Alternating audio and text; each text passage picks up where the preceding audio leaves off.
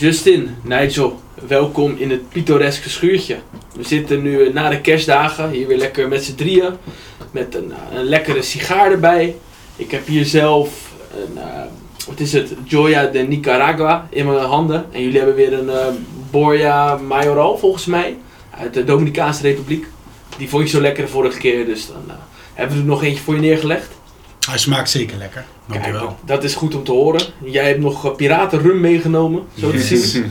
Ja, kleine piratenrum die ik van een vriend van mij uit Duitsland heb meegekregen. Ja, het is een eh, goedkope fles, maar hij is gewoon echt een toppertje. Goede vanille nasmaak, hou ik gewoon van. Lekker sterk. Ja, ik hou niet zo van rum, dus ik hou het lekker bij mijn, eh, bij mijn siropie nu. We gaan natuurlijk vanavond lekker eh, speciaal bieravond houden, dus eh, ik start hem even rustig op. En dan eh, ja, is het gewoon tijd om de podcast af te trappen, denk ik. Dus ik hoop dat iedereen een hele fijne kerstdagen heeft gehad. En eh, ook bijna een gelukkig nieuwjaar. Dat is natuurlijk eh, een aantal dagen nadat deze podcast online gaat. Dus ik zou zeggen hierbij eh, welkom bij de So Rare Klassieker podcast.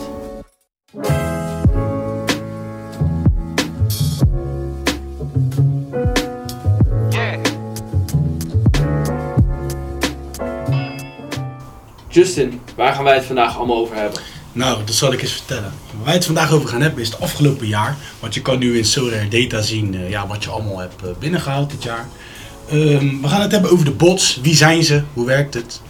We gaan het hebben over de pickscores. Daar ga ik wat dieper op in, zoals ik vorige podcast had vermeld. Over eh, wat geblesseerde spelers. de mar en de markt tijdens de winterstop. En tijdens misschien ook de zomerstop. Oké, Yes. hele interessante onderwerpen. En dan trap hem lekker af met het afgelopen jaar op So Rare. Ehm, ik kan het heel makkelijk zien, want ik heb een So Rare Data Premium Membership. En jij ook als het goed is, Justin. Ja, klopt man. Alleen Nigel die kan helaas niet meepraten over dit onderwerp. Dus ja, dat kan eigenlijk niet. Dan heb je een podcast over So Rare en dan, eh, dan heb je niet eens een Premium So Rare Data Membership. Nou, Sorare Data is niet- natuurlijk niet van Sorare zelf. Nee, maar het zijn maar twee thresholds, hè? Ja, dan moet ik ze wel eens halen. Maar Ja, de- mijn, mijn ehm, kaarten die kan ik hier wel gaan zien. Ik zie dat ik eh, al mijn spelers die ik heb, kan ik hier zien. Dus ik kan meepraten. Alleen niet in die statistieken die jullie hebben. Nee, nee, ik trap hem wel even af. Ik heb, ehm, als we gaan kijken, je kan dus twee opties kan je kiezen. Je kan of kiezen de waarde nu, maar of de waarde wanneer je je reward hebt behaald. Nou, het is natuurlijk logisch om de waarde wanneer je reward hebt behaald aan te klikken. Dus ik doe dat en dan kan ik zien dat ik eh, 1 Ethereum, eh, 1.05 Ethereum heb gewonnen in totaal dit jaar. Dus dat is dan, eh, als we terugrekenen die prijs van nu, is dat een kleine 2000 euro. Het is eh, een leuk bedrag, leuk bedrag. En daarnaast heb ik ook nog 0.612 Ethereum aan kaarten, waarvan 10 limiteds en 12 rares. Dus dat is op zich in totaal 1.6, laten we zeggen 3000 euro aan rewards. Dat is de helft van mijn gallery in theorie. Dus dat is eh, ja, geen slecht jaar. Als ik zelf terugblik, dan kan ik ook zien dat sinds ik die overstap heb gemaakt naar de super rare threshold, dat er wel echt heel veel meer Ethereum is binnengekomen. Ik denk dat van die 1 Ethereum die ik heb gewonnen, dat bijna 40% van de Super Threshold af, afkomt. Terwijl ik dat Super Threshold team pas een maand of twee heb. Dus dat, dat zegt wel wat natuurlijk. Dat is een, eh, een hele, goede, hele goede stap geweest. En ehm, ja, als ik dan terugblik op dit jaar, dan ben ik wel heel tevreden. En dan gaan we ook een doel stellen voor volgend jaar. Want dan kunnen we volgend jaar weer terugblikken op deze podcast. Kijken van, hey, zijn we nou tevreden met wat we hebben gedaan, wat we hebben behaald. En ik stel dan voor mezelf eh, het doel om 2 Ethereum, of ja, we kunnen beter even naar euro's terugrekenen. Als Ethereum heel veel stijgt, dan klopt het niet meer. Dus ik wil eh, 4000 euro winnen aan Ethereum. Dat, zou in dat zijn 20 super rare thresholds. Nou, ik speel ook nog de rare threshold limited. Hopelijk een keertje een eh, podiumplek of wat dan ook. Dus dat, dat moet wel mogelijk zijn. En in kaartrewards vind ik lastig, want ik weet niet wat Sorare gaat doen. Dus daar wil ik niet dieper op ingaan. Daar wil ik geen lat voor neerleggen voor mezelf. Want voor hetzelfde geld halen ze die kaarten er helemaal uit. Of doen ze die rewardboxen toevoegen. En dan, dan is het meer geluk dan, eh, dan echt goed je team neerzetten. Dus dat is het eh, voor mij dan. Voor jou Justin. Ja, mooi man. Nou ja, ik heb niet zo'n eh, succesvol jaar als jou. Maar ik ben best wel stroef begonnen toen ik ook begon met So Rare. Dat was ook het eind van vorig jaar. Ja, en toen ik was begonnen was de markt ook heel anders. En toen was ik ook niet in Nederland. Dus ik ben toen was ik op stage. En toen was het voor mij een, eh, ja, een beetje een stroef begin. Maar ik ben eigenlijk na de zomerstop ben ik echt begonnen met spelen. En dat was meer op de threshold spelen. En die heb ik inmiddels eh, zes, zeven keer gehaald. En ja, mijn doel voor volgend jaar is gewoon om die vaker te halen. Maar ik zou het ook gewoon leuk vinden om meer rewards te willen pakken. En dat wil ik dan doen door middel van eh cap 270. En ik wil gewoon, ja, ik wil gewoon uitbreiden. En sowieso de thresholds wil ik gewoon altijd blijven halen. In totaal heb ik eh, dit jaar ongeveer 500 euro aan rewards en thresholds bij elkaar gewonnen. Dus op zich nog wel netjes. Want eigenlijk het meeste is allemaal binnengehaald na de zomerstop. Dus dat is in vier maanden heb ik ongeveer eh, ja, 400 euro verdiend. 100 euro per maand. En ja, 400, dat, was, dat is ongeveer mijn hele cap T40 team zonder keeper. Dat is netjes. Dus ja, eigenlijk is dat best wel nice. Ik pak even je gallery erbij ook, want jouw Yes. gallery waarde is 1400 euro. Dus dan heb je gewoon een derde van je gallery heb je gewoon in cash gepakt. Zonder ervaring meegerekend. Zonder ervaring meegerekend. dat is een goeie. Nee, ja.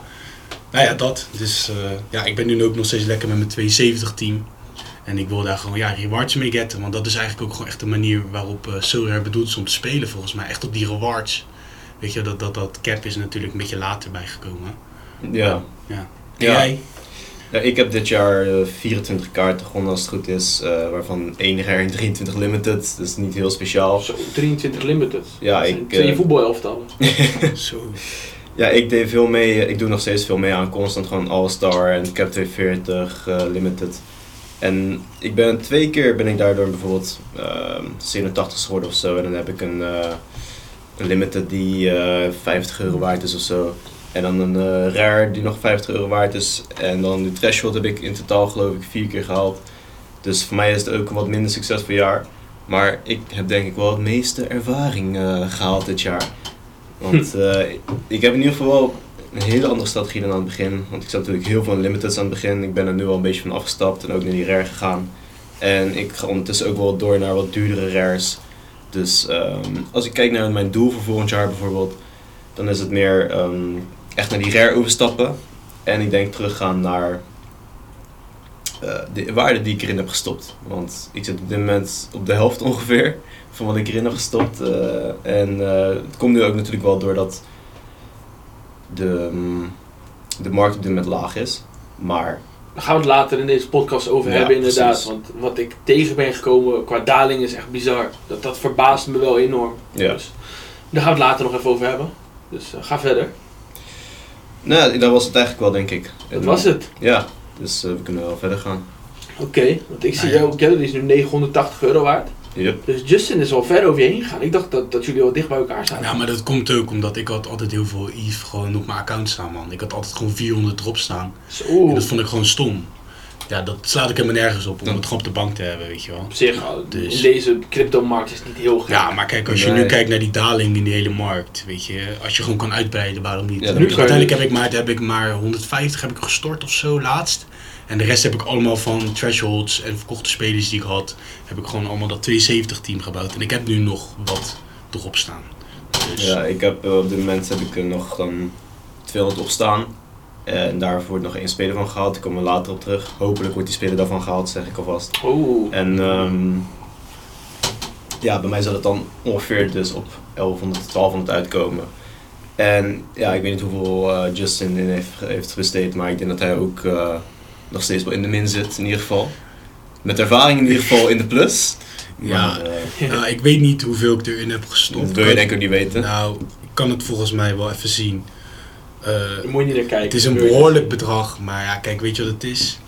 het is, het de, is ene stopt het, de ene stopt het in zijn Playstation, de ander stopt het ergens anders Ja, in. ik stop het gewoon hierin. En uiteindelijk, als dadelijk de markt weer gaat stijgen, hebben wij echt een edge boven de rest. Yep. En als je kijkt naar inderdaad, kijk het geld dat je hier inderdaad dan in verliest, je kan het nog terugwinnen. Je hebt ook heel veel mensen die voetbal leuk vinden en die FIFA spelen en al, die, al dat geld in FIFA punten stoppen.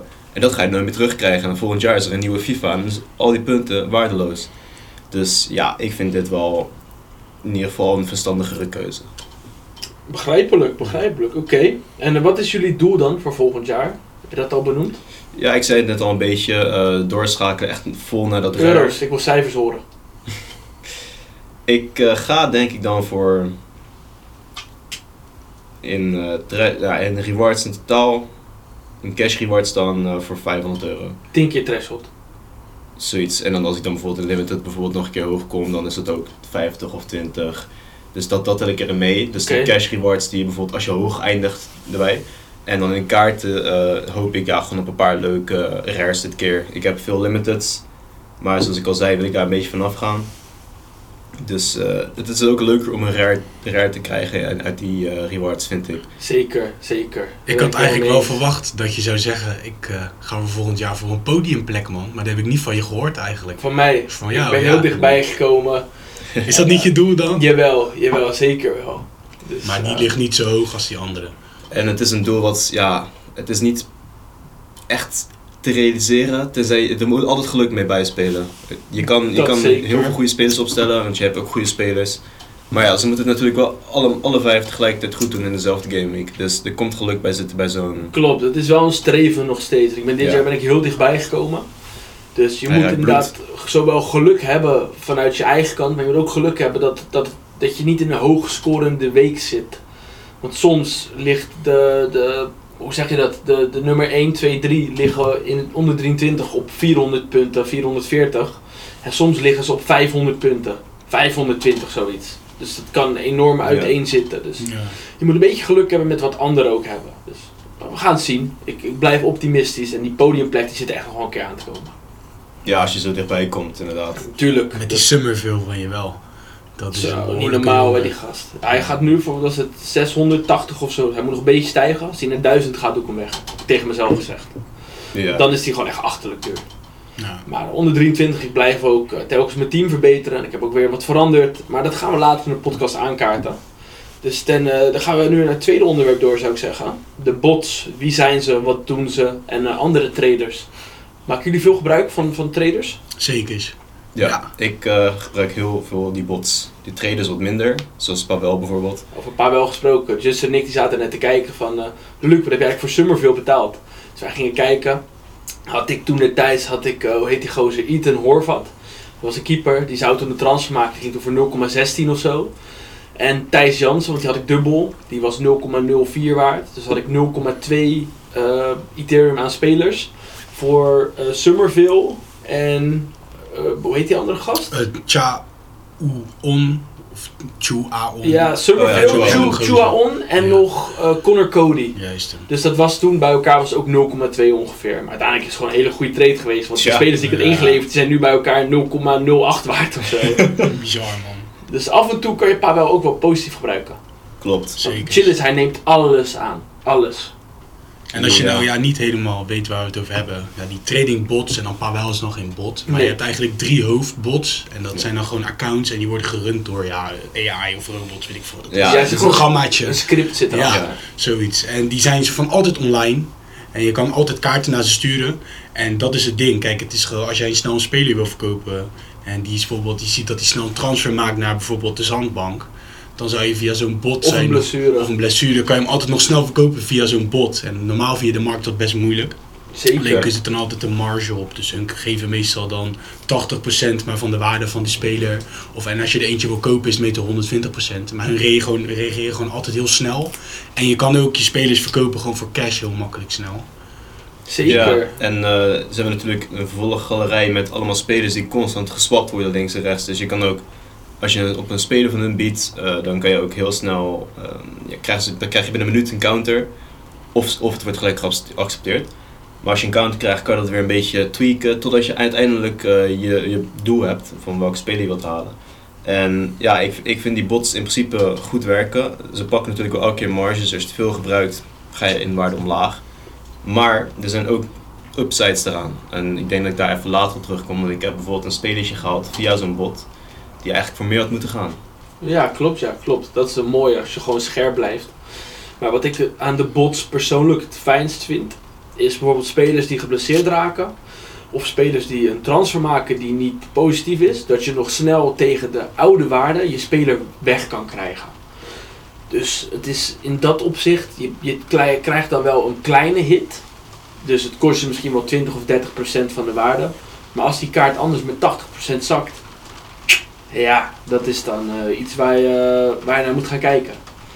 Ja, Ja, en als je bijvoorbeeld een hele bundel spelers hebt, ja, die gewoon niet echt verkopen. Je hebt zo een paar dagen op de markt staan en je hebt gewoon echt dat geld nu nodig. Ja, dan kan je ze gewoon twee of drie van die gozers kan je gewoon in zo'n trade gooien. En dan komen ze altijd met een money offer. En vaak is dat wel ja, iets minder van wat je er normaal voor zou krijgen als je ze individueel allemaal via de markt zou verkopen. Maar als je het echt snel even nodig hebt, ja, waarom niet? Ik heb het ook wel eens gewoon gedaan. Ik heb, ik heb daar nog een leuk verhaaltje over vandaag toevallig. Ik moest eh, voor zo'n ehm, auction, had ik nog wel extra geld nodig. Dus ik eh, ging mijn Nicolai op de markt zetten. En zijn floor was op dit moment 24 euro geloof ik. En ehm, toen ging ik bij zo'n bot kijken hoeveel die bot ervoor wil geven. En die Sir His, dat was een van die bots, die bood 14 euro geloof ik. En dat vond ik wel wat weinig. Dus ik denk, nou dan zet ik hem op de markt voor 20 euro's, 4 euro onder die floor. Misschien wordt hij snel opgepikt. Nou, hij werd binnen de minuut werd hij opgepikt. Door wie? Sir. Heel vreemd. Dus, dus het werkt aan de ene kant wel, maar aan de andere kant, als je echt van die kaart af wil, zou ik hem eerst gewoon een, ja, een stuk onder de floor gooien. Maar nog wel boven de prijs die die bot bijvoorbeeld eh, aan je biedt. En voor hetzelfde geld wordt hij meteen opgekocht. Heb je toch nog iets meer dan wat die bot eh, aan je geeft. Maar ja, dat is, het is wel grappig hoe, hoe die dingen werken. Want zo'n Ja. bot heeft, heeft dus ook eh, zo'n ehm, script om die spelers onder die floor gewoon meteen te kopen. Want dus die persoon zelf heeft het niet gedaan. Het is die bot die dan ziet van, oh die olij is, dus waar is onder zijn eh, floor, die wil ik oppikken. Dus koopt hij die meteen. Klopt, zeker, zeker. En dan even kijken, je hebt drie bots. Dan heb je Sir His, Ja, Basil bot ja. en Ruff. Ja. Dus eventjes voor onze luisteraars. Dat, dat je het even weet. En dan heb je ook nog grote traders. Dat zijn dan Powell is een hele grote. Dan heb je nog Puk Trader. Dat is P-U-G Trader. Dat is ook een Nederlander. Dat is wel grappig. Dat is een gozer die is begonnen met, eh, wat was het, 25 euro of 100 euro of zo. Die heeft nu een gallery van eh, echt heel flink. Ik weet niet hoe groot het is, maar die heeft echt bizarre stappen gezet. Ja, de manier hoe hij het doet, zullen we het maar niet over hebben. Ja, dat is ja, maar ja, eh, dat is een beetje. Het hoe is, zeg je het- dat? Neem het een game, maar het is ook wel... Nou, ik er zit iemand aan tafel die ook zo eens heeft geflikt. Dus daar, ja, ja, Dat is waar. dus maar ja. Maar ik weet niet waar je het over hebt. man. Nee, in andere opzichten, net als die gozer die toen Basilbot voor die eh, super rare Harry Kane eh, Ja. en die super rare Mbappé had, had geget, dan kan je wel zeggen van ja, dat, dat kan je niet maken. Maar uiteindelijk, zo'n gozer die, die codeert die bot verkeerd. En dat is gewoon een fout. Ja, ja, ja. En dat is gewoon, ja, dat is een hele dure fout om te maken. Maar zou jij, wat zou je doen? Zou die 20.000 euro, zou die zomaar teruggeven?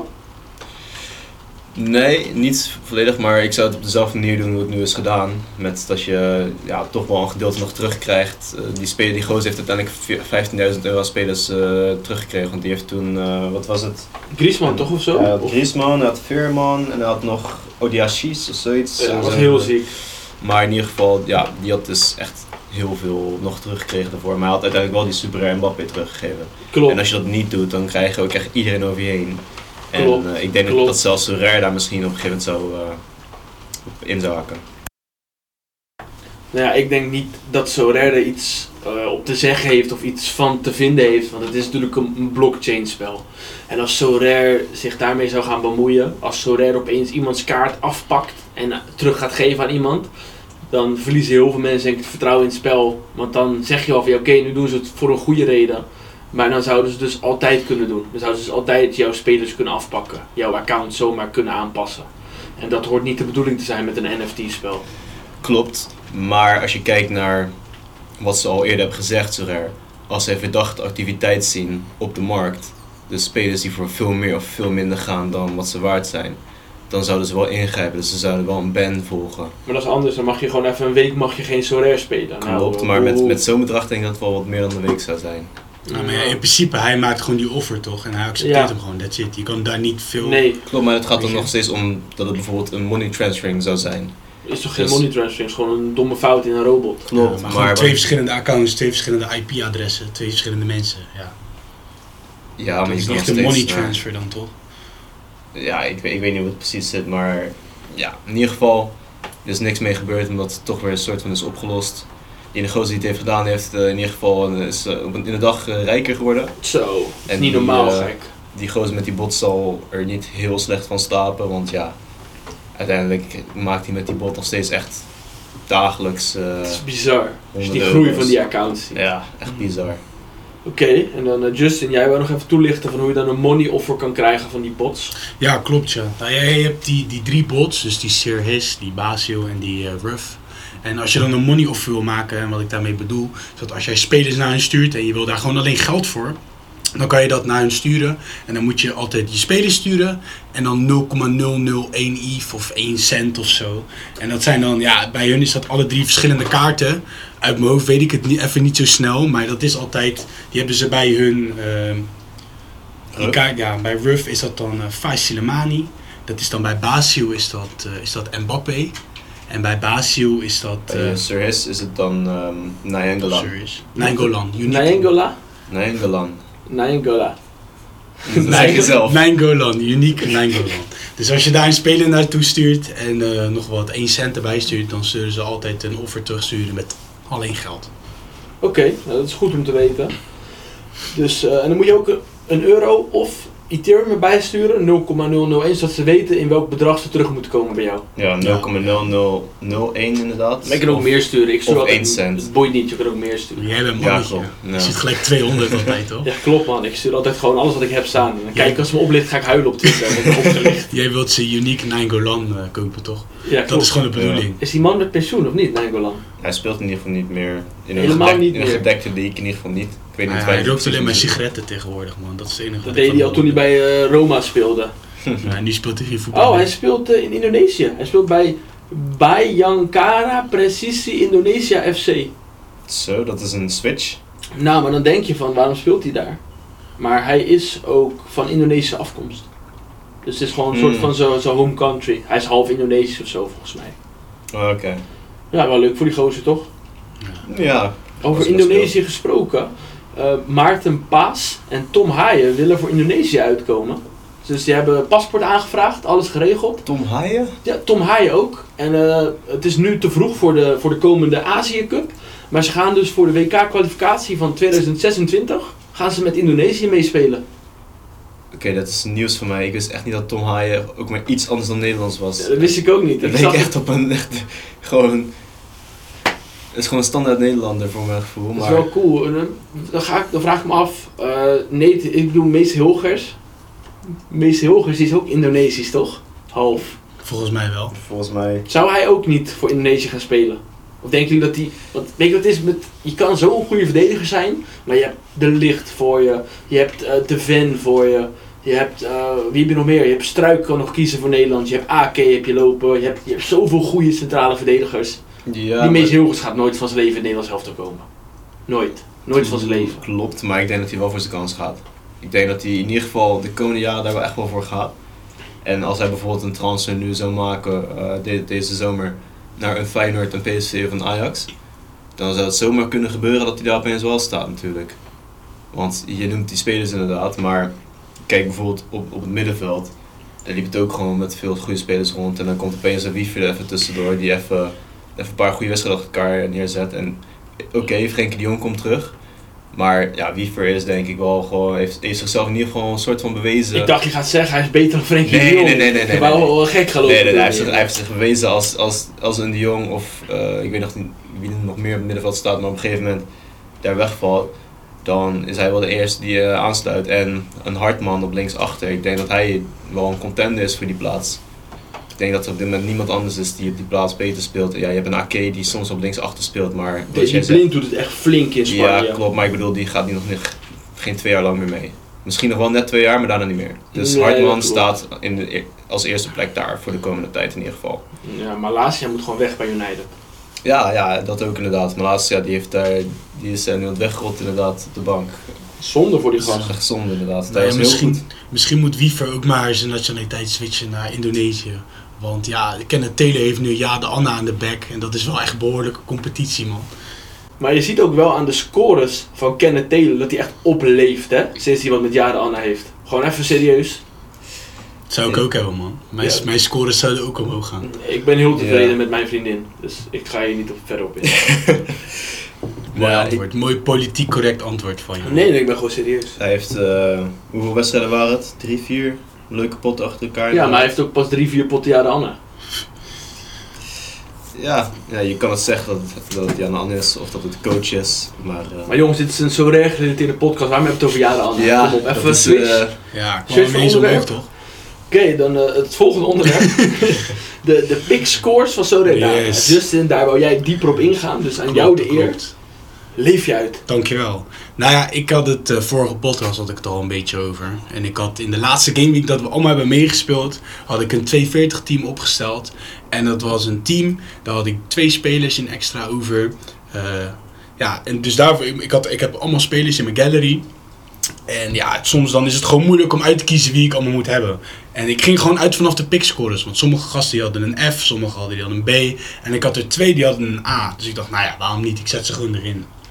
En ja, uiteindelijk uh, Game Week afgelopen. Geen reward geget. Volgens mij 200 punten maar gepakt. Echt heel weinig. En al die gozer met een hoge pickscore hadden gewoon niet gepresteerd.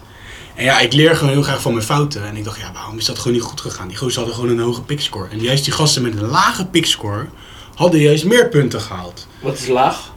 Uh, E, B. Zoiets. Een E en een B. Zoiets. B vind ik niet per se laag. Nou ja, ik had ook een A en een dubbel A. Die hadden, die, Mm, toch? ja. Nou ja, als je niet weet, helemaal weet waar ik het over heb. Ja, pickscore is gewoon een soort van scoren. En dat is aan de hand van eh, zes criteria voor Cap 240. En die criteria, dat is eh, de matchup, dus tegen wie ze moeten. De kostenefficiëntie, dus hoeveel ze kosten om in je team te plaatsen. Niet hoeveel ze, wat de prijs is. Eh, de projected line-up, dus ja, of ze gaan spelen of niet. De scoring history tegen de club die ze moeten. De vorm, dus of ze de afgelopen vijf potten wel hebben gespeeld of niet. En de odds. En de odds, dat zijn volgens mij drie dingen. Dus volgens mij of ze drie goals of meer gaan maken, of ze geen goals gaan conceden. Eh, nou ja, in ieder geval dat. Ehm, nou ja, even om hier een duidelijk beeld bij te krijgen.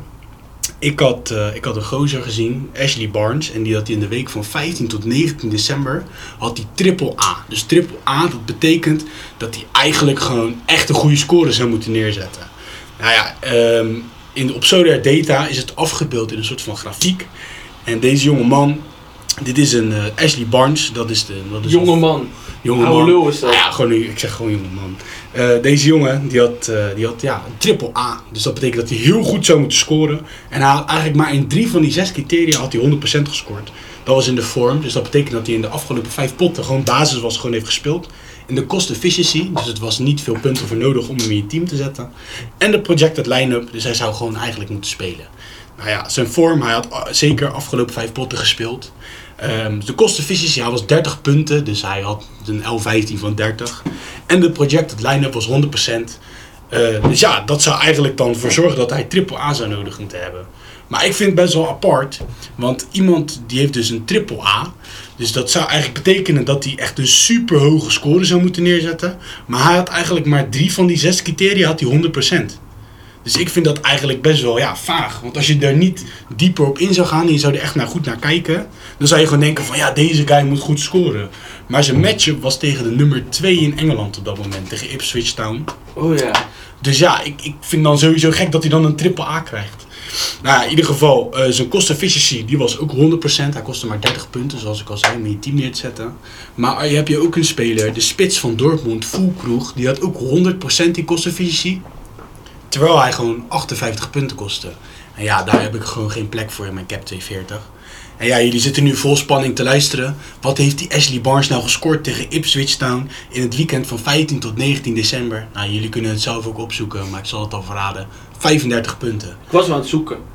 Nou ja, in ieder geval, als je ook al met gewoon gezond verstand daarnaar kijkt, weet je wel, een speler die eigenlijk normaal gewoon hele gare scores haalt, af en toe een decisive, nooit AA, en tegen de nummer 2 in Engeland, dan zie je al dat hij niet hoog gaat scoren. Dus ik vind die pickscores gewoon heel vaag, eh, heel vaag ingedeeld. Dan heb je ook nog die projected line-up, die was 100%. En die projected line-up, daar gaat Luca wat meer over vertellen. Ja, zeker weten. Nou, die projected line-up, zeg maar, je kon daar ook prijzen mee winnen. Dat kan nog steeds.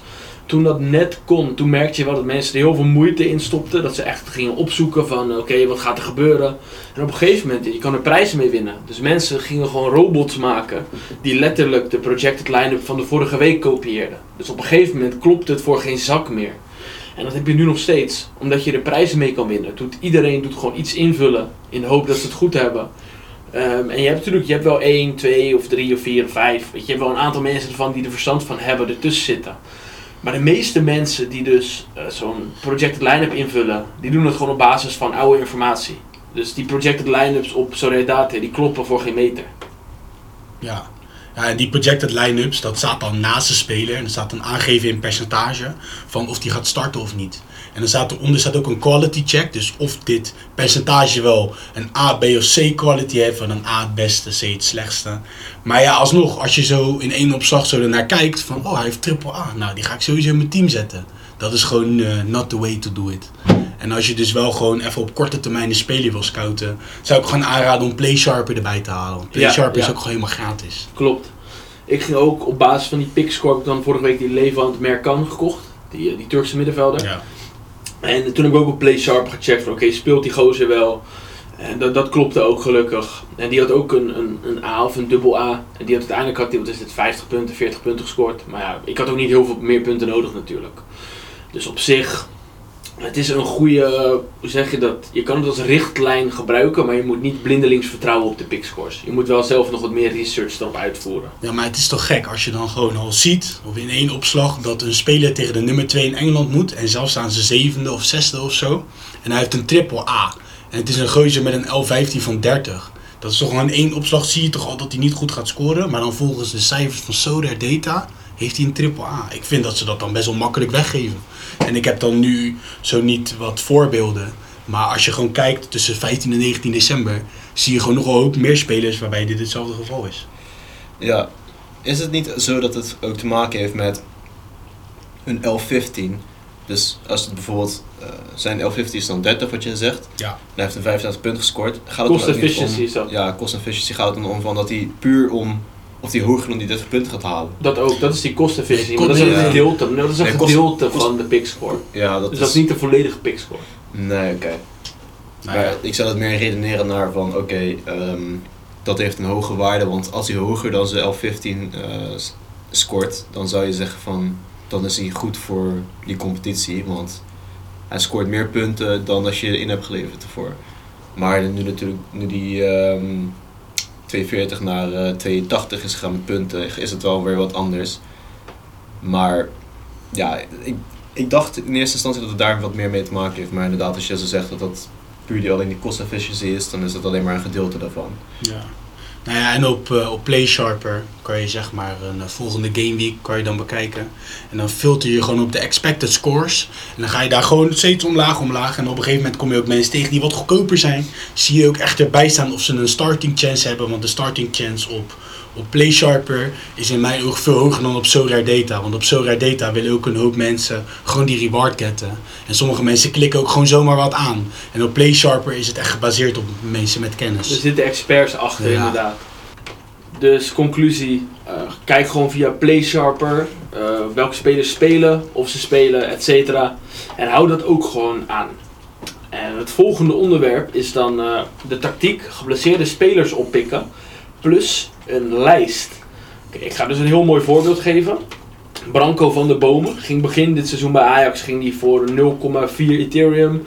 Toen is hij gezakt naar 0,23. Toen raakte hij geblesseerd. En toen zakte die naar 0,07. Dus de prijs is gewoon gedeeld door 3 gegaan. Terwijl die er maar, wat is het, 3 of 4 maanden uit ligt. Als je dan zo'n speler koopt, dan zie je al heel vaak, zijn dieptepunt was 0,046. En je ziet nu dat hij alweer omhoog aan het klimmen is, omdat hij bijna terugkomt. Dus een hele mooie tactiek is zo'n speler oppikken. Niet direct na zijn blessure, maar wacht een weekje of twee. Pik hem daarna op. En verkoop hem dan ook gewoon weer in de hype als die weer lekker stijgt. Dat is een van de makkelijkste manieren om geld te maken op SoRare. Als je natuurlijk de middelen hebt en het geduld hebt. En dan gaan we ook een, eh, een lijst met spelers gaan we toelichten daarvoor. En eh, ik, heb, ik heb een aantal spelers. Eh, nummer 1 is dan Philip Sandler. Philip Sandler is, Nigel heeft het de vorige podcast over gehad. Altijd geblesseerd die gozer, maar ja, nu raakt hij weer net voor de winterstop geblesseerd. En het positieve is dan, die man mist eigenlijk niet zo heel veel wedstrijden. Want hij raakt geblesseerd en zijn prijs zakt omdat hij geblesseerd is. Maar na de winterstop is hij waarschijnlijk gewoon weer terug. Dus dat is een hele makkelijke speler om dan geld op te pakken. Eh, Robertson van Liverpool, die is wel, ligt er wel wat langer uit. Maar dat is wel een speler met enorm veel kwaliteit in mijn ogen. Dus ik zie je heel moeilijk kijken. Weet je hoeveel ik het? Ik weet zeker of je Oh, het hebt. Ik zie je moeilijk kijken. Misschien dat je is gewoon eh, de, de wingback van, eh, Ja, van klopt, Liverpool. ja, klopt, die linksback. Dus dat is ook dan een speler die, je je naar zou kunnen kijken. Noah Lang. Is dit seizoen geteisterd door blessures. Maar als die gozer speelt, wat is die belangrijk en wat is die goed zeg. Maar hij is nog best wel duur nu hoor. Hij is Noah Lang. 0,13 of zo. En hij was op een gegeven moment niet voor 0,3 of 0,4. Ik weet niet wat 0,13 God, is. 260 euro. zoiets. Dankjewel. De luisteraars weten dat waarschijnlijk De ook. luisteraars weten dat wel. Die zitten gewoon nu met zo'n site en als ik dan een, een getal noem, dan tikken ze het in. En dan weten ze precies hoeveel euro het over heeft. Ja, ja, ja. Dat is een beetje eh, interactie. Interactie is dat. Nee, en dan een, een andere speler, Koki Saito, hebben we het over gehad natuurlijk. Die is ook enorm gezakt. En Ja. wat is dan een belangrijke speler? En hij heeft nu ook echt een terugkeerdatum gehad. Hè. Op Sorare zie je dat ook staan. Dus de terugkeerdatum Oh. is eh, 1 januari Cool. 2024. Oh, dat is bijna. Ja, nou ja, dat is gewoon eh, na de winterstop. Dat is mooi, dat is mooi. En dan Branko van de Bomen, die ik net aankaartte. Dan heb je ook nog Mickey van de Ven. Dan heb je uh, Caro Eiting is eh, niet geblesseerd, maar wel een bankspeler. En hij is in mijn ogen veel te goedkoop. Hij gaat nu voor 40 euro. Dat, dat vind ik nergens op slaan. Karel Eiting. Ja, Caro Eiting, 40 euro. Dat is echt bizar goedkoop, man. Ja. ja. Dat is echt een hele mooie tip. Zeker. Dus hou hem in de gaten. Dan heb je ook nog Stanks. Is hij geblesseerd? Nee, Ik heb hem hier op mijn lijst staan. Ik weet niet waarom hij op mijn lijst staat dan. Stanks die eh, was de laatste wedstrijd geloof ik even... Jij gerust ook zo. denk ik dat hij geblesseerd is. Dat is het meer. Dat Ja, zal het wel ja, ja. zijn, ja. Nee, Stanks heeft eh, als het goed is geen eh, erg ernstige, ernstige blessure op het moment. Oké, Matthew Ryan.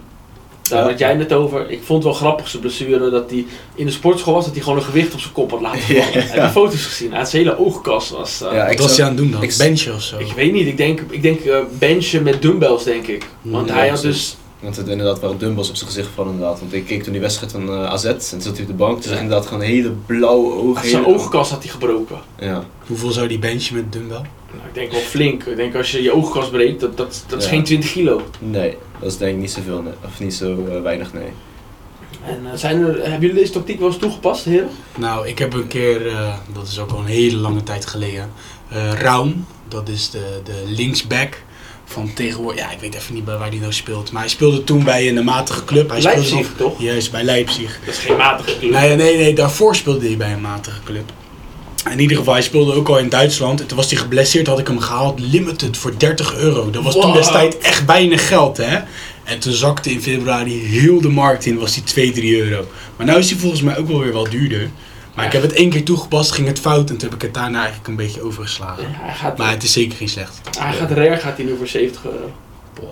Je Gewoon hebt toen limited voor 30. 30. En dat was echt een goede prijs, want hij ging toen voor 80 en zo toen hij speelde, hè. Hij was wel lekker dat is scoren, wel- is gek. Hij Ja, Hij, speelde bij Hoffenheim, dat was hij. Ja. speelde destijds bij Hoffenheim en toen had ik hem opgegeven voor 30 euro, want hij was gewoon even geblesseerd. Ah, dat was toen een mooie prijs. Cool, hij had wel aardig scores hoor bij Leipzig. Ja. Hij is ook een hele goede speler, man. Hij is echt ook zo'n, eh, ja, hij is ook nog maar 25. Klopt, Hij is 25. gewoon echt wat je wil van een wingback. man. Typische wingback. De ene wedstrijd haalt hij het 40 aan, de andere wedstrijd min 18. ja. Ja. Maar als we het nog even over, hebben over spelers die geblesseerd zijn. eh, bijvoorbeeld zo'n Mac Allister, heb je daar wel eens naar gekeken? Eh, Die is op het moment ook geblesseerd. Die is 125 euro rare op het moment. Nou, dat is een middenvelder van Liverpool die in principe gewoon altijd moet spelen.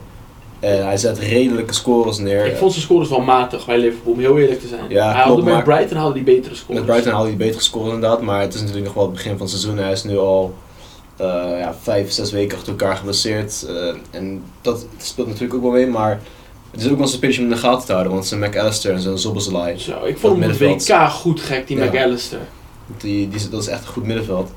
En eh, bijvoorbeeld ook nog een speler die ik zelf heb, een uh, Kamaldin Sulemana. Oh Die ja, is op het moment ook geblesseerd. Die is eh, op de pik voor 50 euro geloof ik. ik zat er ook dat, naar is, te kijken, ja. dat is echt een uh, spelertje, echt een talentje. Die echt, uh, Ajax wou hem toen kopen. ja, Alleen klopt. toen wou hij wou te veel salaris en hij wou garantie op een basisplek. En dat kon hem niet worden gegeven, dus toen is hij niet naar huis gegaan. Toen hadden ze Koeders gehaald, toch? Toen hebben ze inderdaad Kudus gehaald, ja. Ja. Dat klopt. Nou, is ook niet slecht uitgepakt voor. Ajax. Dus En die doen het trouwens ook goed hè, in de Premier League. Kudus, ja, zeker. Ja. Maar hij is ook een hele goede speler, Kudus. Klopt. Ik wilde hem eigenlijk ook toen nog halen, man, tijdens de zomer. Maar toen dacht ik, ja, laat me zitten. Dadelijk gaat hij weer op de bank zitten of zo Ja, ergens. het, had, het had een goede trade geweest als je dat Ja. had gedaan. Want hij, hij ging omlaag toen hij wegging bij Ajax.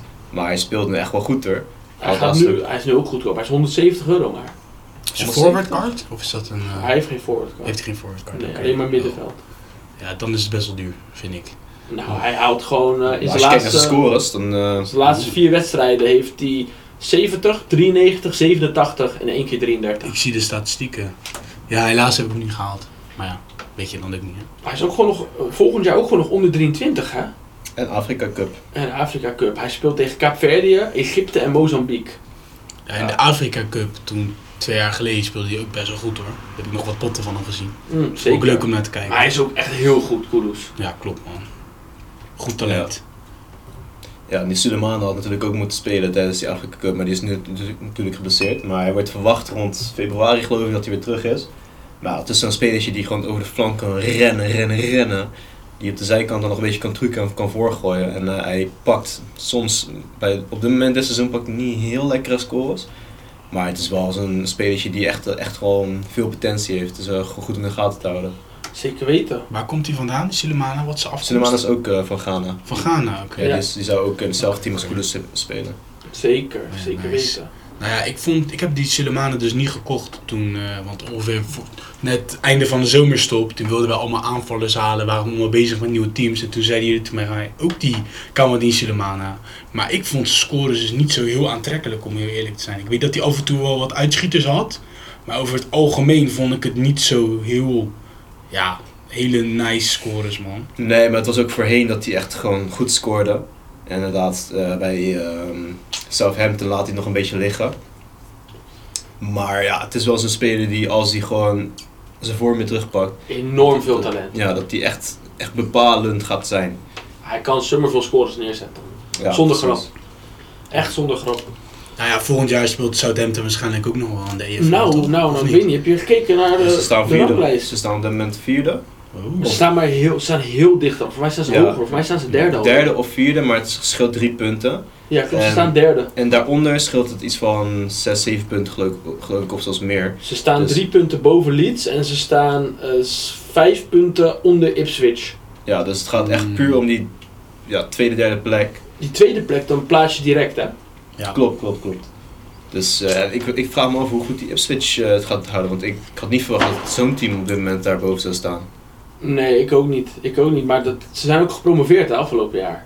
Ja? Ipswich. Ja, ze zijn gepromoveerd dit Dus, jaar. eh, is zo'n uh, verhaal gaat het worden of niet? Ik vind het eigenlijk best wel jammer dat die EFL-teams, dat er relatief weinig kaarten van beschikbaar zijn. Dat er zijn ben echt ik- maar een paar teams die maar gedekt worden qua kaarten. Dat ben ik met je eens, ja. Ja, want bijvoorbeeld zo'n Hull City, nou, ik vind de Hull City echt lekker spelen, man. Je hebt ook een gozer daar, Jaden Philogene, die is volgens mij nu geblesseerd.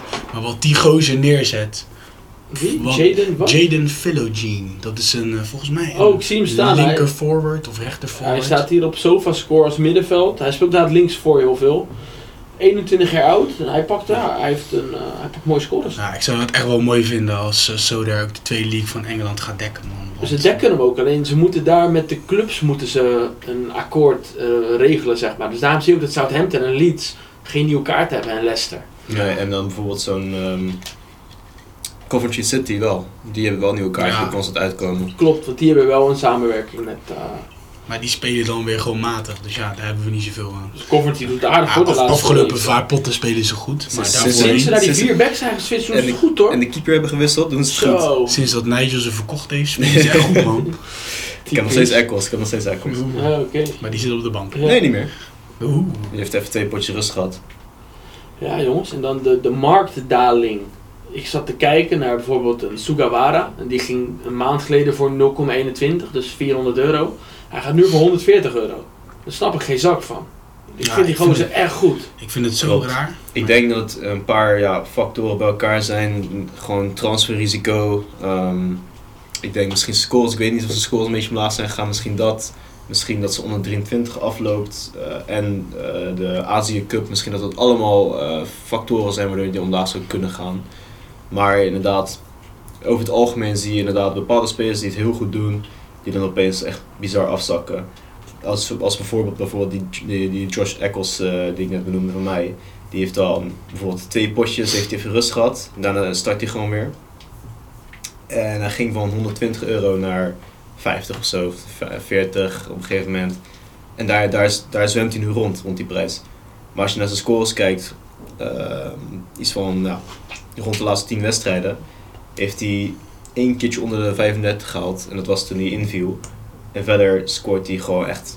Voor een eh 240 speler is het echt een perfecte middenvelder bijvoorbeeld. En eh, ja, ik vind het dan bijvoorbeeld raar dat zo'n speler nu maar ja, 50 euro is, is nog weer een beetje omhoog, maar op een gegeven moment gewoon maar 35 euro was. Dat is bizar. Tja, Dat is echt bizar. Nou, ik zag op een gegeven moment toen we vijf, na, vijf, ongeveer vijf dagen na de winterstop, al die keepers gewoon met 100 euro gewoon omlaag. Klopt. Ja, Ja. bizar. Op een gegeven Sam moment... vertelde het over Van Gassel natuurlijk. Die Ja. die had gekocht en dat hij een week later, dat die, of ja, in de podcast heeft hij, vorige podcast heeft hij het aangekaart. Mhm. Dus ja, dat, ja, dat is taai, maar dat is altijd zo. Dus laten we het ook even zo Ja. behandelen. Zeg maar, meestal als een speler niet meer speelt, dus nu de Europese competitie, ligt even stil en dan dalen ze gewoon. Je zag het ook, de MLS ligt even stil, MLS-kaarten dalen. En dan straks in februari start de MLS weer op. En dan ga je zien dat er weer een hele hype gaat komen. En dat die spelers waarschijnlijk twee maanden lang echt gaan stijgen. En daarna gaan ze ook weer gewoon rustig dalen tot het eind van het seizoen. Klopt. En je gaat nu ook al een beetje krijgen dat mensen gaan kijken naar eh, ja, degradatie. Dat ze gaan kijken naar teams die onderaan staan of de laatste zes plekken ongeveer. En die denken van oké, bijvoorbeeld, bijvoorbeeld een keeper van, die, van dat team heeft het risico dat hij degradeert. En dat, ja, dan gaat zijn prijs gewoon omlaag. Dus als je kijkt bijvoorbeeld een, een Vitesse op dit moment en eh, ja, Volendam en Almere City, eh, wat logisch, want ja, dat zijn teams die wat meer op risico lopen. Maar dan bijvoorbeeld zo'n ehm, Van Gassel met Excelsior. Excelsior die doet dit het eerste helft heel goed, maar de laatste paar wedstrijden vallen ze wel weer een beetje naar beneden. En als ze blijven zakken, dan kan Excelsior weer in gevaar komen bijvoorbeeld. Dus ik denk dat bepaalde managers al aan het zijn voorsorteren van oké, dit is een kans dat hij gaat degraderen. Laat ik hem nu maar verkopen voordat hij dadelijk eh 90 euro is. Mm, ja, ik, aan de ene kant ik snap wat je bedoelt, maar de Eredivisie is nog niet eens op de helft, toch? Nee. Nee, klopt, maar je weet altijd wel, rond de helft zijn altijd wel een beetje de, zie je in ieder geval de stand van zaken bij de meeste teams. En als je kijkt naar zo'n Excelsior die het dan gewoon heel excellent doet op de, eh, aan het begin, die dan een beetje een vorm verliest, en dan bijvoorbeeld een Utrecht die een vorm weer teruggeeft, en Ajax die zijn vorm weer teruggeeft, die dan weer boven, boven dat team gaan komen, dan kan je zomaar zien dat zo'n Excelsior naar beneden blijft zakken en opeens in de relegation zone zit. Ja, tussen de nummer 6 en de nummer 18 zit maar 12 punten. Ja, Dat vind ik niet veel. dat is, n- ja, het is, het is 12 wel punten, wat. dat is 4 potten winnen achter elkaar of 4 potten verliezen achter elkaar. Ja, het is inderdaad niet heel veel, nee. Dus alles kan inderdaad nog gewoon switchen. Zeker. Dus zo'n team als Excelsior, dat is, dat is gewoon niet veilig nog. Want ja, je weet dat zo'n team altijd wel in de relegation zone ongeveer... Maar Gassel, vechten als ze degraderen, blijft hij toch niet. Nee, klopt, maar ja, je weet, je weet nooit waar hij heen gaat. Misschien wordt hij tweede keeper ergens. Dus ja, Hij gaat niet ergens tweede keeper worden. Nee. Anders keep je niet bij Excelsior. Hij is te goed voor Excelsior. Net als een De Lange. De Lange gaat ook niet ergens naartoe om tweede keeper te worden. Hij is niet voor niks weggegaan bij Twente waar hij tweede keeper was. Hij is gewoon op een punt in zijn carrière waar hij moet spelen. Dus dat, dat zijn dan keepers waarvan ik denk van oké, weet je, die, die gaan niet ergens naartoe om tweede keeper te worden. nee, klopt. Maar als je in een relegation zone zit, dan heb je op een gegeven moment geen kan, tenminste heb je geen keus meer om ergens anders naartoe te gaan. Als dat Waarom? moment. Dan, dan anders speel je in de kampioen-divisie. Dan kan je toch eens nog een transfer maken. Ja, als, als er plek is. Weet je, dat, dat, dat voor is, goede spelers is er altijd plek. Ja, Nou ja, zo'n Van Gassel die heeft eigenlijk voor mij best wel utility als, ze, als Excelsior omlaag zou zakken. Want dan zou hij een lage L15 krijgen en dan zou ik in mijn cap T40 veel hogere spelers erin kunnen zetten. Dus ik, voor mij is dat eigenlijk best wel gunstig, want weten dat hij ook gewoon waarschijnlijk weggaat. Want zo'n gevoel heb ik er ook over. Ja nou, de L15 is al best wel laag, toch? Klopt, maar stel het zou nog meer zakken, dan zou ik op een gegeven moment in mijn cap T40 gewoon spelers met een eh, L15 van 60 kunnen neerzetten. Dat is Dat is mijn tactiek. Dat is jouw Ja, tactiek. Dat is ja. mijn tactiek altijd. Ja. Die kan ik captain maken en dan ben je zeker van lekkere punten. Ja, dat heb, dat heb ik nu ook een beetje met... eh, ik zit te kijken naar keepers die dat lage L15 hebben. Zodat ik mijn Trouwen ook in kan zetten, want die heeft ook nu een L15 van eh 59. Dus dat is ook hoog. En dan spelers zoals, zoals Paixão en als, ik- als ik Ivan Sek haal, dan, eh, dan die spelers die hebben ja, 44 en 46. Maar ja, dat zijn wel spelers die hoog kunnen scoren. Dus zo'n team eh, kan ik dan ook neerzetten. Dus inderdaad, wat jij zegt met die keepers, is het wel handig om gewoon inderdaad zo'n keeper die een laag L15 heeft. Want als hij een clean sheet pakt, is sowieso 60 punten. Dus dat, dat is altijd clean sheets pakken. Kunnen, kan, elke keeper kan het eh, overkomen. Die kan kijken van de Almere City die 5-0 wint van Vitesse.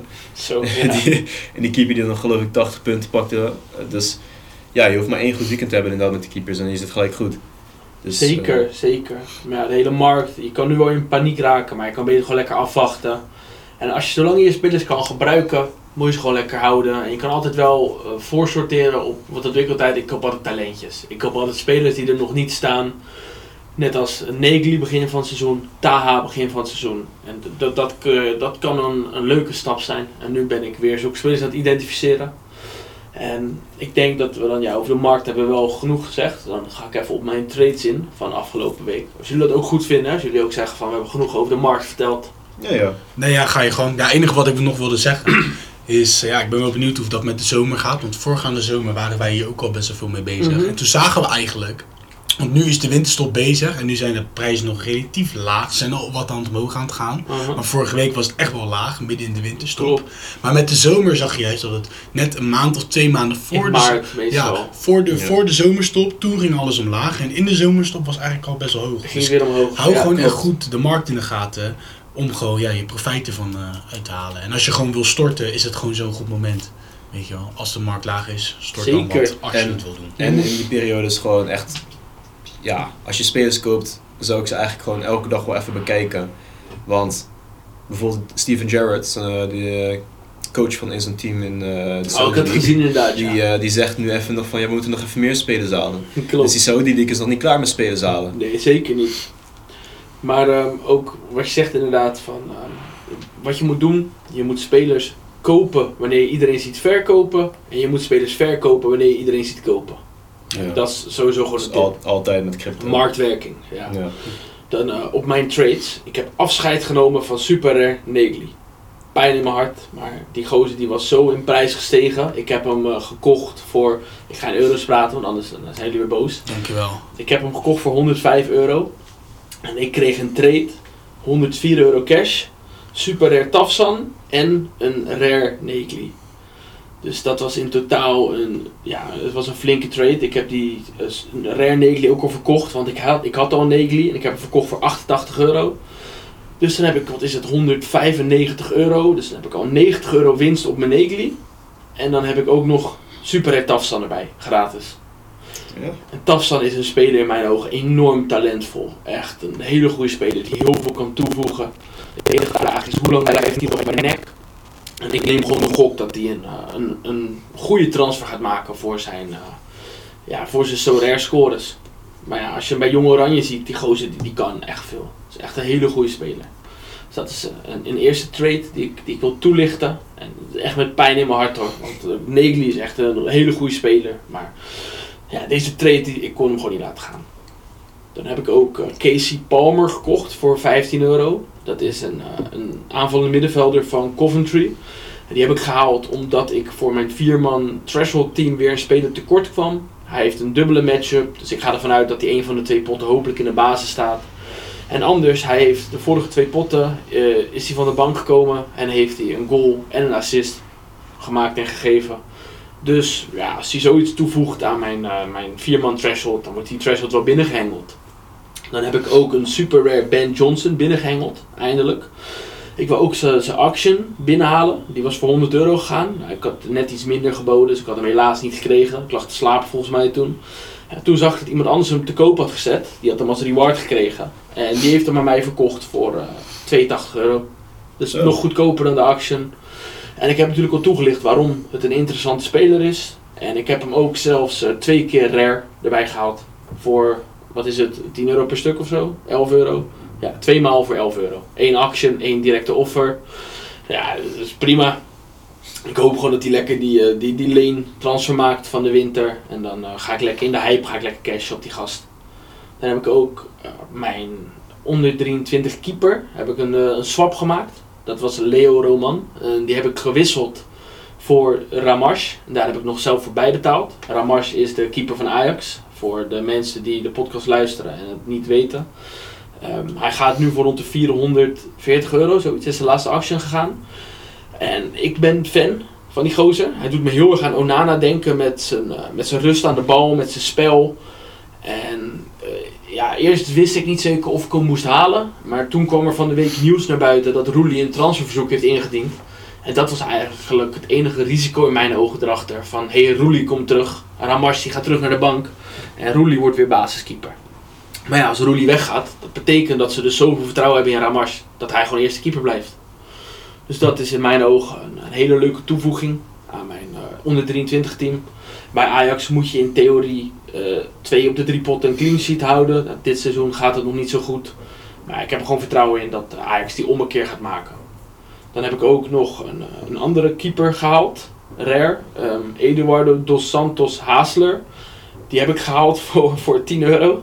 Een rare keeper. En dat is een, eh, een Duitse keeper, 24 jaar oud, zit bij Werder Bremen.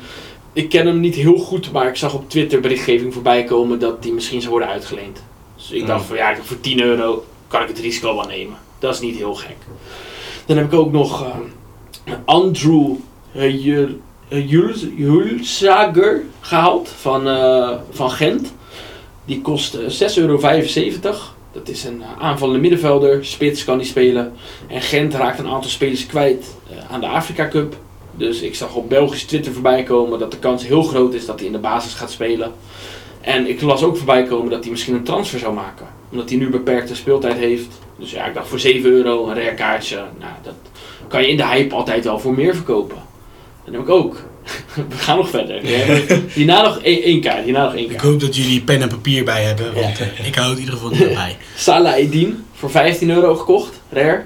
Dat eh, ook een kaart die ik al veel eerder heb toegelicht. En eh, ja, ik zag dat een bottom had, dus ik dacht ik vraag, kijk wat hij ervoor vroeg. En hij vroeg minder dan de laatste action, dus helemaal top, mooi meegenomen. En dan tot slot heb ik Maxime Dekker van AZ gehaald voor ehm 12 euro. Kost geen zak. Eh, hij kostte een jaar geleden kostte die 100 euro en eh, ze- het hoogste waar hij voor is gegaan is 450. Zo. Ja, in mijn ogen gewoon een hele prima centrale verdediger. En hij is geblesseerd geweest, weggevallen. Toen kwam eh Bazoer in de basis, toen kwam eh Penatra of zo kwam er nog bij. Toen kwam Martins Indy weer terug. Ja, weet je, ik hoop gewoon dat die gozer of wordt uitgeleend. Of misschien weer bij AZ minuten gaat maken. Maar ja, voor 12 euro. is geen risico. Mannetje is 19 jaar oud. Ja, Helemaal prima. Dus dat waren mijn eh, transfers van deze week. oké. Oh, wacht. En ik heb nog een Sanjan. Sorry, ja. En ik heb nog een Sanjan gekocht voor eh 9 euro op Action. Voor dat geld kon ik me ook niet laten liggen. Ja, En dan Robin Mauloon, had ik al verteld dat ik die Ja, super die, had. die heb je al verteld. Super Oh nee, super nog niet. Ja, nee, die heb ik ook super opgepikt voor 77 euro. Dus ik heb ook wel toegelicht waarom. En eh, nu heb ik hem ook super. Dus dat, dat waren al mijn transfers. Het was een drukke week voor mij. Maar goed, het is, eh, heren, wat hebben jullie gedaan op de transfermarkt? Nou, 9 van deze 10 minuten sectie eh, heeft Luca ingenomen. In, eh, genomen. Dus, eh, er komt 1 minuut in waar ik en Just onze spelers uitlichten, denk We ik. hebben geen tijd. snel praten, Nee, nee. man. Nee, nee, nee, we hebben geen tijdslied meer. Maar ik bedoel dat wij heel snel klaar zullen zijn. Oh. Ik heb in ieder geval ehm, ook bij zo'n bot eh, ingeslagen. Ik heb Igor Pashao gehaald. Oeh, Dan een 1 op 100 rare. de pielenmuis. ja, Eh, ik heb hem 1 op eh, 100 rare gehaald. En eh, dat heb ik via zo'n bot gedaan. En dat is ook zo'n ding wat we net nog niet hebben verteld bij die bots. Maar als een bot een speler binnenkrijgt ehm, en jij heel snel binnen een minuut of zo een bot daarop doet, dan heeft hij nog niet ja, gecalibreerd dat hij een 1 op 100 speler is. Dus dan heeft hij dan niet die extra tax voor zo'n speler eh, neergezet. En dan kan je hem dus gewoon voor floor bijvoorbeeld halen. Dus ik heb voor 100 euro eh, een rare Igor Pashao 1 op 100 gehaald. En ik vind dat echt wel een hele goede prijs voor een eh, aanvaller van Feyenoord eh 1 op 100. Wat had een vriend van Sam betaald voor Paixão? Was het ook Paixão? Wie had die gehaald? Ja, ja, die had inderdaad Pashao gehaald en die had, ehm, wat was het nou? Ja, hij had hem dus voor 180 geloof ik opgehaald, 180 euro inderdaad. Die vriend van Sam, dus die had niet goed gekeken. Die had, wilde hem voor 80 ophalen geloof ik. En die had toen eh, een bod terug van 100 gekregen. En die had toen in zijn hoofd van oké, dan doe ik 180 of zo. Dat, dat ging, was even een kortsluiting voor hem, dus dat hij 180 gehaald. Maar dat kan gebeuren natuurlijk. Maar die Pashao is dus voor 100 euro. Ik vind het echt een eh, goede pick-up, eh, al zeg ik het zelf. Dan daarnaast heb ik op dit moment eh, ja, Ju- Julian Lelyveld, rare, verkocht aan zo'n bot, even snel. Voor eh 25 euro geloof ik. En Nicolai voor 20 euro. Ehm, dat heb ik gedaan omdat ik een, op dit moment een auction aan het bieden ben voor ehm Luca Ivanusek. Luca, Ja, Luca. mooi. En ehm, dat heb ik vorige podcast natuurlijk al uitgelegd dat ik hem eigenlijk al had moeten hebben. Maar dat door een eh, fout, in, eh, of tenminste een eh, lag in zo rare, ik hem niet heb gehaald. Maar wel daardoor Justin eh, hem heeft kunnen oppikken. Dankjewel. Maar nu heb ik dus eh, voor 200 euro een bot staan eh, op, op die Ivan Zek en ik hoop dat ik hem binnenhaal. 200 euro. Yep, dus het is van 160 naar 200 euro gegaan. Maar ja, in ieder geval, die- ik heb die spelers dus even voor moeten ko- ver- verkopen. Ik Om heb dat te kunnen 150 betaald. Klopt. Ik ook. Ja, nee, jij jij 167. 167. 167. Ja, hetzelfde. Maar ja, je hebt natuurlijk die nieuwe versie met, eh, met die bonus. En ik wil hem ook puur op auction die nieuwe kaart hebben. Omdat ik nu natuurlijk die Pai Shao heb. Die veel punten voor die collectiebonus oplevert. Dus als ik die Ivansik heb, heb, dan heb ik al 2% op eh, mijn Rare Feyenoord eh, stack. Of tenminste halve stack. Dus dat is heel lekker. Dus dan hebben ze alle drie al gewoon standaard 7%. Zonder gewoon nog levels erbij. Dat is netjes hoor. Ja, dus daarom eh, probeer ik hem nu op te halen. En ja, dat zijn al ondertussen al, al mijn trades geweest van deze tijd. Nou, ik heb niet zoveel spelers gehaald. Ik had bijna mijn 72 al rond en ik had alleen nog aanvallen nodig. En daarvoor heb ik eh, Pavlidis gehaald. Alleen ja, eh, nu is er bericht uit dat Chelsea hem wil, dat Fulham hem wilt. Dus ja, we gaan het zien. Ik zei al tegen je, van die gozer die gaat echt een transfer maken. Ja. luistert niet, we hebben eigen. Nou ja, maar Ja. weet je, dat soort clubs die hebben zoveel meer mensen op het oog. Dus ik heb er gewoon vertrouwen in. Komt wel goed. En anders haal ik ook gewoon nog Saito, joh. Komt goed. En ja, in ieder geval, ik heb ook nog Van Gassel heb ik gehaald. Dus ik heb met keeper voor 270. En ik heb, eh, nou ja, eigenlijk net Joel Latibaudier gehaald. Oh van ja, Coventry daar City. zat ik bij. Ja. Nou ja, ik vind hem gewoon een hele goede speler. Ik heb hem echt zien spelen. En eh, ja, ik vind hem gewoon super goed. Hij zat even op de bank, maar hij speelt nu weer. En toevallig als center mid, maar hij speelde voorheen als een centerback. Maar ik vind het echt een hele goede speler, onder 23. En Coventry is gewoon lekker bezig. Dus ik denk dat hij het ook gewoon goed gaat doen. En zijn nieuwe kaartje, ja, voor drie tientjes ongeveer. Had hem ge- geruild voor 15 euro. En een uh, ja, Pleguezuelo, een eh, oude kaart van hem. Speelt nu bij, eh, ja, speelt nu ook in de tweede league van Engeland. Maar ja, voor drie tientjes. Gewoon een mooie, mooie aankoop, vind ik zelf. Zeker weten, een hele Ja. mooie aankoop. Dus ja, mijn 270 team is nu rond. En jullie zullen het wel horen als ik een, eh, een reward pak, een van deze dagen. Ik hoop dat ze gewoon die reward box erin zetten. In die 270, Ja, ja, dat hoop ik ook, man. Dat zou echt lauw zijn, man. Voor die cap 270 rare. Ik zou er zeker Ja. aan meedoen, man. Ja, ik ook. Nou, dan zou ik zeggen, dan sluiten we hem hierbij af. Dus eh, Yes. luisteraars. Oh nee, wacht, wacht, wacht. We hadden nog wat. Ja, dat klopt. Eh, interactie. interactie. Ehm, als je deze podcast luistert, dan kan je ehm, aan het eind van de podcast of ergens op Spotify kan je een vraag indienen. Dus heb jij een vraag die je graag beantwoord wilt hebben in deze podcast, stel hem vooral. En dan, eh, dan behandelen, we jij vraag, behandelen wij je vraag. Yes. Nou ja, als je, gewoon die, als je gewoon de podcast aanklikt en gewoon echt de aflevering, dan kan je daaronder kan je een vraag stellen. En het is gewoon heel makkelijk. Als je iets wil horen, als je iets wil weten, als je feedback hebt, als je iets leuk vindt, vraag het ons, want wij gaan het er gewoon zeker over hebben. En als jij nou ook je gallery besproken wil hebben, zeg dat dan ook. Dan gaan we het er gewoon over hebben. Ja, en nat- natuurlijk is dit de laatste aflevering van dit jaar. Dus- Nee, hij komt over volgend jaar uit. Klopt, maar dit is de laatste aflevering die wij opnemen voor dit jaar. Ja, klopt. Maar Dus, dat weten de eh, luisteraars niet. Nu wel. Oh ja, dat is, Nu wel. dat is natuurlijk heel, heel, heel alien eh, concept. maar, maar in ieder geval ehm, hebben wij nog doelen voor de podcast voor volgend jaar. Nou ja, we zitten nu best wel op een lekker luisteraarsaantal. En ik wil eigenlijk, ehm, ja, voor volgend jaar, totaal aantal luisteraars? Of het... Ja, niet per se luisteraars, maar Wat ik wil, ik heb een doel, ik wil dat er een keer een luisteraar aansluit. dat lijkt me tof. Lijkt Dat me lijkt me inderdaad, ja. Maar dan moet hij wel een sigaartje meedoen. dan regel ik de sigaar. Dus je moet 18 plus zijn. Ja, klopt, je moet 18 plus zijn. Want dan regel ik een sigaartje. En dan eh, een, lekker, een lekker drankje erbij. En dan, je bent altijd welkom hier. Nou ja, ik vind het gewoon super leuk om interactie te hebben met jullie. Dus blijf gewoon zoveel mogelijk sturen. En ik wil gewoon ja, meer interactie met jullie hebben. En dat vinden jullie volgens mij ook het leukst. Ik vind het Ja, gewoon het allerleukst om gewoon vragen te beantwoorden van luisteraars. En om gewoon te horen eh, wat jullie leuk vinden en ook wat niet. Dat is uiteindelijk ook heel erg belangrijk, want die feedback, daar leren wij het meest van. Zeker Ja. weten. Ja. Dan zou ik zeggen, ik hoop dat iedereen een hele fijne jaarwisseling heeft gehad. En eh, tot de volgende aflevering. Yo. Bye bye.